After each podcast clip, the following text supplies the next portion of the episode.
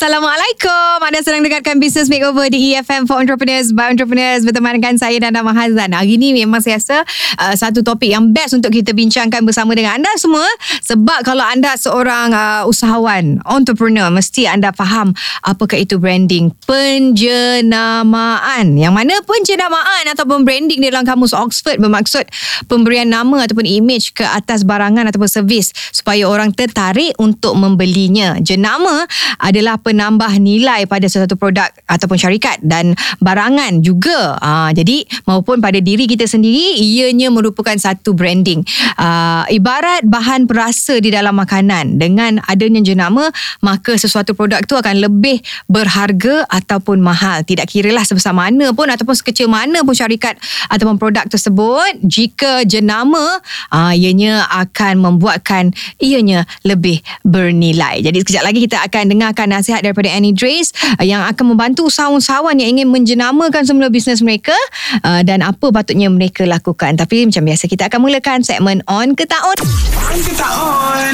On ke Tak On. Minggu ini, sepanjang minggu ini macam saya cakap, kita akan kongsikan strategi-strategi untuk mengembangkan perniagaan. Antaranya hari ini yang boleh anda lakukan adalah mengendalikan sumber manusia dengan baik. Ha, jumlah pekerja harus disesuaikan dengan keperluan kerja. Hak dan juga kewajipan juga harus jelas dan diketahui oleh pekerja sejak awal lagi. Ha, takkanlah kita dah ambil dia kerja, kita tak bagi tahu dia nak buat kerja apa, kang dia tak buat kerja, kita juga yang meroyan. Jadi kita kena bagi tahu awal ataupun apa kelebihan bekerja dengan kita. Ha, itu semua harus kita titik beratkan. Okey? Dan besok kita ada strategi yang keempat macam mana untuk kita kembangkan bisnes kita dengan lebih baik. Jadi on ke tak on? Kita ke segmen tips penarik. Tips penarik. Penarik. Kita nak uh, kongsikan kepada anda macam mana kita boleh tarik lebih ramai pelanggan yang akan sukakan uh, kita punya produk ataupun servis yang kita sediakan. Okey, kita boleh berikan jaminan wang dikembalikan. Ha, ini antara salah satu jaminan yang kuat juga lah ni kan. Sekiranya anda yakin dan percaya dengan produk ataupun perkhidmatan anda, berikan jaminan anda. Tawarkan pemulangan wang jika mereka tidak berpuas hati dengan apa yang mereka berikan, apa yang kita berikan kepada mereka. Anda juga akan menarik lebih ramai orang untuk mencuba produk ataupun perkhidmatan anda dan biasanya mereka tidak akan meminta wang untuk dipulangkan sekiranya ianya bagus untuk mereka. Ha, selain daripada kita yakin dengan produk kita, kita tahu produk kita ni memang best, jadi kita boleh berikan jaminan sedemikian. Okey, kita akan ke segmen tolong makeover. Nana, tolong make over. Tolong make over. Kita nak cerita mengenai penjenamaan. Apa yang ada pada jenama? Kenapa jenama sangat penting dalam perniagaan sehingga sesetengah syarikat di negara maju sanggup melabur sampai jutaan ringgit untuk memperkembangkan jenama produk mereka? Ha, dalam era perniagaan moden ni, jenama dilihat sebagai satu instrumen yang penting dalam pemasaran sesebuah perniagaan. Jenama adalah satu-satunya cara paling efektif dalam menguasai pasaran sesuatu produk. Ah ini kerana jenama akan membantu membentuk identiti syarikat dan juga produk. Ah tetapi bagaimana untuk membina jenama untuk perniagaan yang kecil? Ah perniagaan kecil kita ni macam mana kita nak bina jenama ni kan?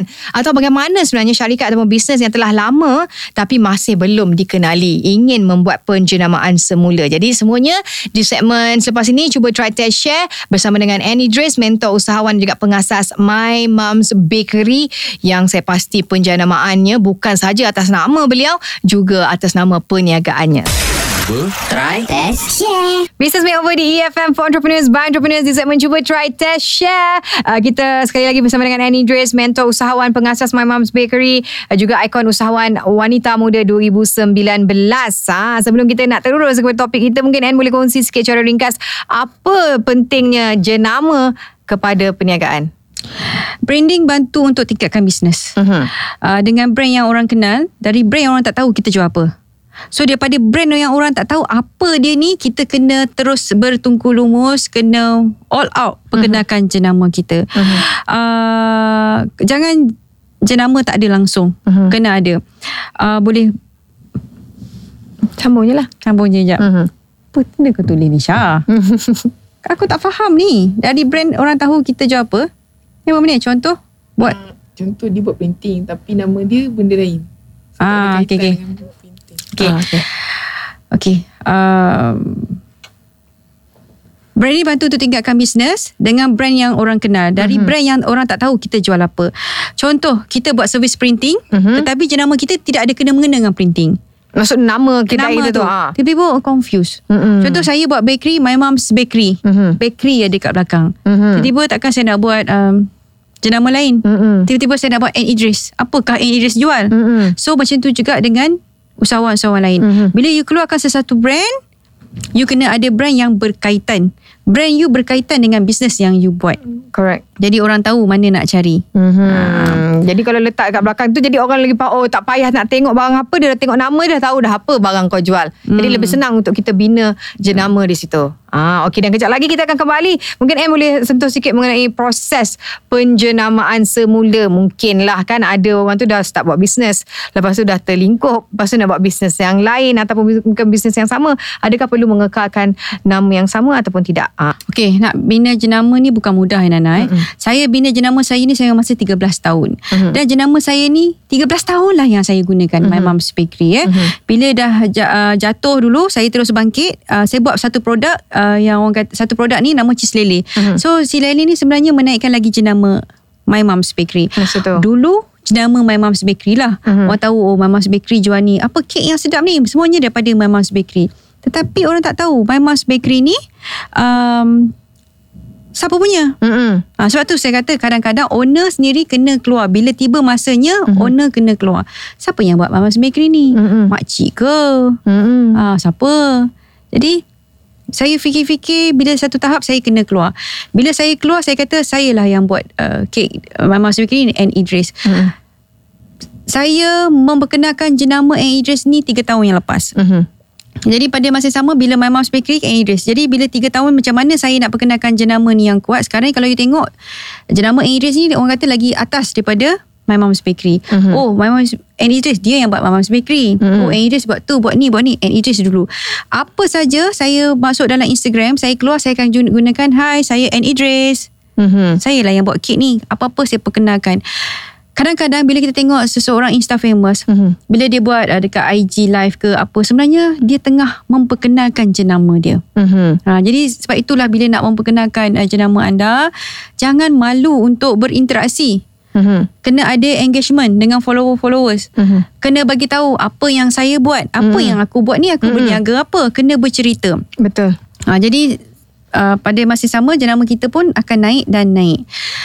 Uh, satu lagi saya nak bagi tahu uh, untuk usahawan-usahawan kadang-kadang ada yang tanya saya bagaimana kita buat sesuatu jenama tiba-tiba jenama ni tidak menjadi. Mhm. Menjaga-menjaga 2 tahun tiba-tiba tak jadi.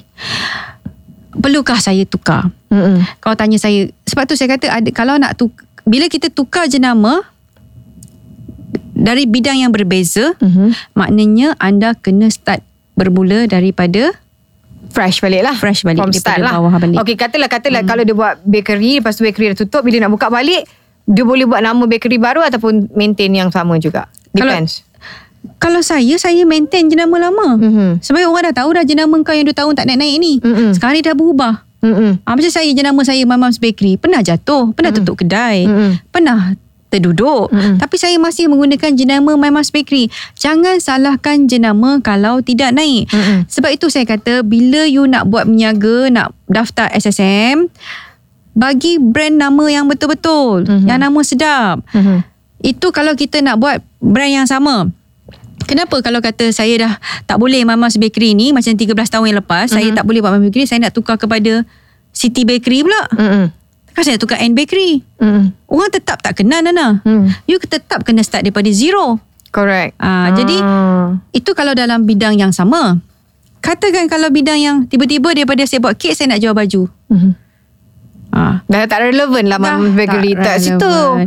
Sebab tu saya bagi tahu kat usahawan nak jadi usahawan janganlah jadi acah-acah usahawan. Mhm. Buat serius betul-betul. You fokus apa yang you nak buat. Jadi acah-acah usahawan bila tak menjadi, tak menjadi, you pergi buka bisnes lain pula. Mhm. Tak jadi Tutup buka Betul. lain pula Lepas tu tanya bagi tahu kat saya, eh Iris saya dah niaga dah empat, empat perniagaan tapi tak jadi-jadi.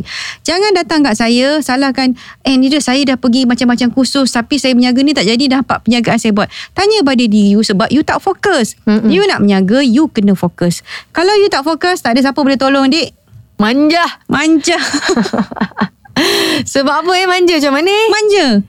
Tak boleh buat Alah macam mana Semua nak dibantu Semua nak time. dibantu Semua nak disuap Saya dulu Menjaga 13 tahun Saya tak ada benda-benda ni semua Mm-mm. Saya tak ada macam EFM Mm-mm. Memberi nasihat Kita ada uh, pakar-pakar Yang untuk memberi nasihat Pada usahawan-usahawan Mm-mm. Kita tak ada event-event Seminar dan sebagainya Mm-mm. Kita tak ada Kita bangun Dengan kaki sendiri Kita usaha sendiri Mm-mm. Cuba bayangkan Kalau benda ni semua ada Any Days ada masa zaman tu Puh. Apa? Kaya raya Any days lagi raya daripada sekarang Sekarang pun dah kaya Okay lepas tu uh, Yang muda-muda ni Kadang-kadang mungkin kita Orang muda Sebab- Dia punya mentaliti mungkin lain Sebab Nana, mm-hmm. dia hangat-hangat teh ayam. Hmm. Dia banyak main. Kau pergi kenapa bodoh lah kau. Bang. Aku tengah serius nak. Cerita lah Okey, usahawan-usahawan yang ada sekarang ni dia orang banyak main. Mhm. Mm-hmm. Kenapa dia orang tak serius? Mhm. Mm-hmm. Dia orang rasa kalau aku tak berniaga buat ini, okey mungkin aku buat lain. Mhm. Mm-hmm. Dan juga pengaruh kawan-kawan.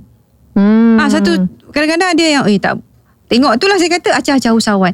Dia jual tudung, tiba-tiba kawan dia jual sosis pula. Mm-mm. Niaga kat pasar malam, niaga bazar, tiba-tiba orang beratur pula. Alamak, aku nak Dia sosial jual juga sosis jugalah. Faham. Tapi dia tak tahu sebenarnya dia tidak ada pengalaman buat roti. Roti dia tak sedap. hmm. Buat juga sosis. Tapi tak laku. Alamak, tak laku macam mana? Aku tak aku, aku jual kasut pula.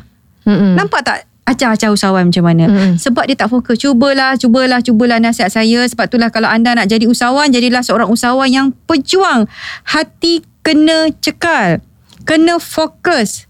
Hmm. Usaha tanpa cekal dan jadilah usahawan yang rajin. Rajin promote, kenakan jenama. Nak berniaga, kenalah jadi seorang peniaga yang pejuang. Mm-mm. Hati kena cekal, kena tekad. Usaha tanpa cekal dan tekad, rezeki tidak akan salah pintu. Semakin anda rajin, Mm-mm. semakin anda dekat dengan kejayaan. Mhm. Semakin anda malas, semakin anda dekat dengan kegagalan. sedih hidupnya. Uh, any dress kita nak uh, nak nak tahu juga kan usahawan ni ada yang dah lama bertahun-tahun dalam bisnes tapi jenama pun memang orang tak kenal-kenal. Salahnya kat mana? Tapi bisnes tu ada. Tapi kalau nak cakap pasal jenama ataupun nama brand tu sendiri orang tak pernah nak ingat. Ah, apa sebabnya? Adakah mereka perlu menjenamakan semula? Mungkin nama tu memang tak kena kot dalam bisnes apa yang dilakukan tu. Ke? Boleh cuba Mhm. Tetapi Kena start daripada zero Kalau yang ada jenama pun Malas nak promote Mhm. Macam mana nak start yang baru Exactly. Ah, Sebab tu saya kata uh, dah berta- Kalau bertahun pun dalam bidang uh, perniagaan Tapi jarang promote Jenama tu orang tak kenal Mm-mm. Kalau dalam Instagram Satu minggu satu post Orang tengok tak aktif eh, Mm-mm. Ni berniaga ke tak berniaga sebenarnya Betul. Mm-mm. Tak cari peluang Selesa duduk tempat yang sama Mm-mm. Tak mencari ejen Tak bila you ada produk You kena keluar Mm-mm. Kena keluar mencari Kena keluar perkenalkan You jangan harap orang datang kat you Tak cuba Dia tak nak mencuba Hmm. Kerana apa? Kerana bila nak jadi usahawan, jadilah seorang usahawan yang berfikiran positif. Bagaimana you nak jadi usahawan? Kadang-kadang ada usahawan datang kat saya and Idris bagaimana saya nak menjual produk saya ni? Jangan tanya saya. Hmm. Macam mana you nak jual produk? Susah? Ha. Ha. Macam-macam cara you boleh jual produk. Faham? Ha, you boleh perkenalkan produk you dekat rakan-rakan, dekat uh, saudara mara. Mhm. Bermula daripada situ. Mhm. Kalau you nak jual produk, you ada produk, you dah spend beribu-ribu ni. Mhm. Tapi you tak boleh nak jual. Mhm. Sebab tu saya nasihatkan pada usahawan sebelum anda nak menjual jenama anda sendiri, jualah jen, produk yang orang yang ada jenama. Mhm. Maksudnya kita jadi ejen Jadi ataupun- ejen, Mhm. dropship dan sebagainya. Test diri tu dulu. Modal pun tak banyak. Betul. Produk you tak buat. Mhm. Bila you buat jenama sendiri, produk dah tentu beribu-ribu you nak kena buat keluar. Tiba-tiba tak boleh jual. Hmm, sebab kita tak tahu lagi kita tak cuba lagi hmm. potensi diri kita sebagai seorang usahawan tu sebenarnya dan uh, seorang usahawan tu pun sebenarnya tak boleh uh, tak boleh tak nak belajar. Uh, kalau dia rasa macam tak apalah aku nak cuba-cubalah uh, rempuh je lah langgar je lah agak susah lah agak lambat lah dan kita akan uh, membesarkan lagi risiko kegagalan dekat situ. Hmm. Jadi kalau boleh kalau kita sebelum sibukkan diri kita dalam bidang keusahawanan ni kalau boleh timbalah ilmu yang ada. Pergi belajar dulu, jumpa dengan mentor dan sebagainya. Any dia setuju? Setuju. untuk usahawan tersebut untuk mereka mencapai ketiga-tiga unsur tersebut dikenali, disukai dan dipercayai. Yang saya pasti My Mom's Bakery ada bersama dengan Annie Dress. Silakan. Sebenarnya jawapan kepada soalan Nana tu ialah kena rajin promote. Mm-mm. Ah, feedback customer. Dengan dengan customer. Maksudnya feedback uh, Testimoni dia orang testimoni, lah. testimoni. Produk anda bagus ke, tak bagus ke, bagi tahu dekat customer. Dan tentulah kita nak uh, lampirkan testimoni yang terbaik. Mm-mm. Buat produk yang customer suka. Kena ingat eh, sebagai usahawan, kita bila nak buat sesuatu produk, jangan buat yang anda suka. Bukan kita suka eh. Buat itu shop sendiri. Faham? Buat produk yang Orang, orang, suka, yang orang Okey? nak. Ah, okey, jadi Lepas, kesi, ah, lepas, lepas tu, Mhm. uh, buat produk yang untuk lebih mudah untuk orang dapat. Jangan kita buat produk, kadang-kadang customer ni dia cepat bosan eh. Bila kita buat satu produk, tiba-tiba mana dah dapat ni? Susah nak cari. Mm-mm. Dia akan cari produk jenama lain. So, buat satu produk yang senang dapat, Mhm. mesra pengguna Mhm. dan disukai. Yes. Jangan kalau buat produk yang anda suka, maknanya adalah shop sendiri. Okey. Hmm. Okey, kalau di sini boleh saya simpulkan untuk dikenali kena selalu promote. Untuk disukai, hasilkan produk yang berkualiti. Yang dipercayai, letaklah feedback-feedback customer sebab itulah yang akan me, orang kata menebarkan lagi percayaan uh, orang ramai terhadap perniagaan kita. Gitu. Okey tak kesimpulan saya? Bagus, Sangat Nana. tepat. Tepat. Alright. Mhm. Dekat situ ada uh, segala program, Mhm. ada juga segala kelas. Right. Jadi kena rajin-rajin tengok Instagram saya kerana Instagram saya tersangatlah aktif. Satu hari 30 ataupun 40 Paling post. sikit eh, 30 Ya, paling eh. sikit. Wow, tak bosan lah tengok. Alright, terima kasih Annie Idris. Business Makeover bersama Nana Mazan. Business Makeover di EFM for Entrepreneurs by Entrepreneurs dah nak habis dah ni ah. Dah hujung-hujung dah ni. Sekali lagi nak ucapkan terima kasih kepada anda yang telah pun bersama kami dan besok kita akan bersama sekali lagi dengan Annie Drace untuk membantu usahawan dan juga menambah baik skill mereka dalam melatih stokis, agent dan dropship. Ah, ini pun sangat penting untuk kembangkan kita punya bisnes. Kalau kita ada stokis, ada agent dan juga dropship ini ah, lebih berkembanglah bisnes kita insyaAllah. Okay? Jadi jangan lupa untuk dengarkan 7.30 pagi hingga 10 pagi hanya di www.efm.live.